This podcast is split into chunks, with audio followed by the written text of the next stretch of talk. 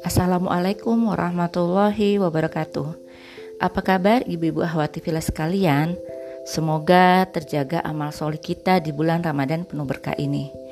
Di pertengahan 10 hari Ramadan, semoga Allah senantiasa berikan ampunan atas dosa-dosa kita. Amin. Ibu-ibu semua, interaksi kita dengan Al-Quran yang kita bahas berikutnya adalah mengamalkan setiap ayat yang terkandung di dalam Al-Quran. Ramadan bulan Al-Quran dia menjadi petunjuk jalan kebenaran dan pembeda hak dan batil. Al-Quran adalah salah satu sumber segala hukum atau aturan Islam. Selainnya ada hadis Nabi, ijma sahabat, dan kias. Nah, Allah Subhanahu wa taala dalam surat Al-Hasyr ayat 7 berfirman, "Wa ma atakuhur rasulu fahutuhu wa ma nahakum anhu fantahu wattaqullaha innallaha syadidul iqab."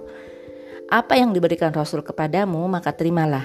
Dan apa yang dilarangnya bagimu, maka tinggalkanlah.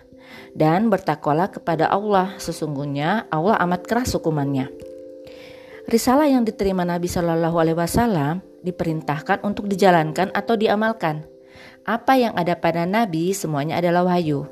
Hukumnya adalah terbaik, melaksanakannya adalah ibadah. Allah jaga kemurnian dan kesempurnaan Al-Quran hingga hari kiamat. Maka, kita tidak cukup membaca, menghafal, dan memahami Al-Quran saja, namun harus mengamalkan seluruh isi di dalamnya. Apa yang kita pahami dari Al-Quran harusnya mendorong kita mengamalkannya. Kuncinya ada pada kekuatan iman. Buah mempelajari Al-Quran adalah amal, di mana Allah akan memberi balasan berdasar amal yang kita kerjakan. Dan tahukah sahabat surga, sejarah generasi umat ini pada masa lalu ditulis dengan tinta emas menjadi umat terbaik.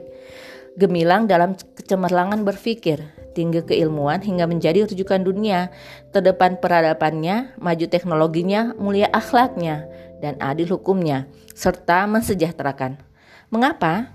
Karena Al-Quran bukan hanya sekedar dibaca dan dipahami, namun hingga diamalkan dan diperjuangkan, diaplikasikan dalam kehidupan, disebarkan di tengah dunia internasional.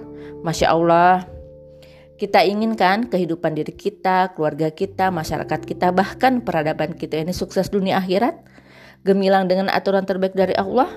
Yuk beramal sesuai Al-Quran dan jadikan diri magnet perubahan bagi sekitar kita. Semoga Allah mudahkan kita berinteraksi secara istiqomah dengan Al-Quran. Amin. Allahumma amin. Wassalamualaikum warahmatullahi wabarakatuh.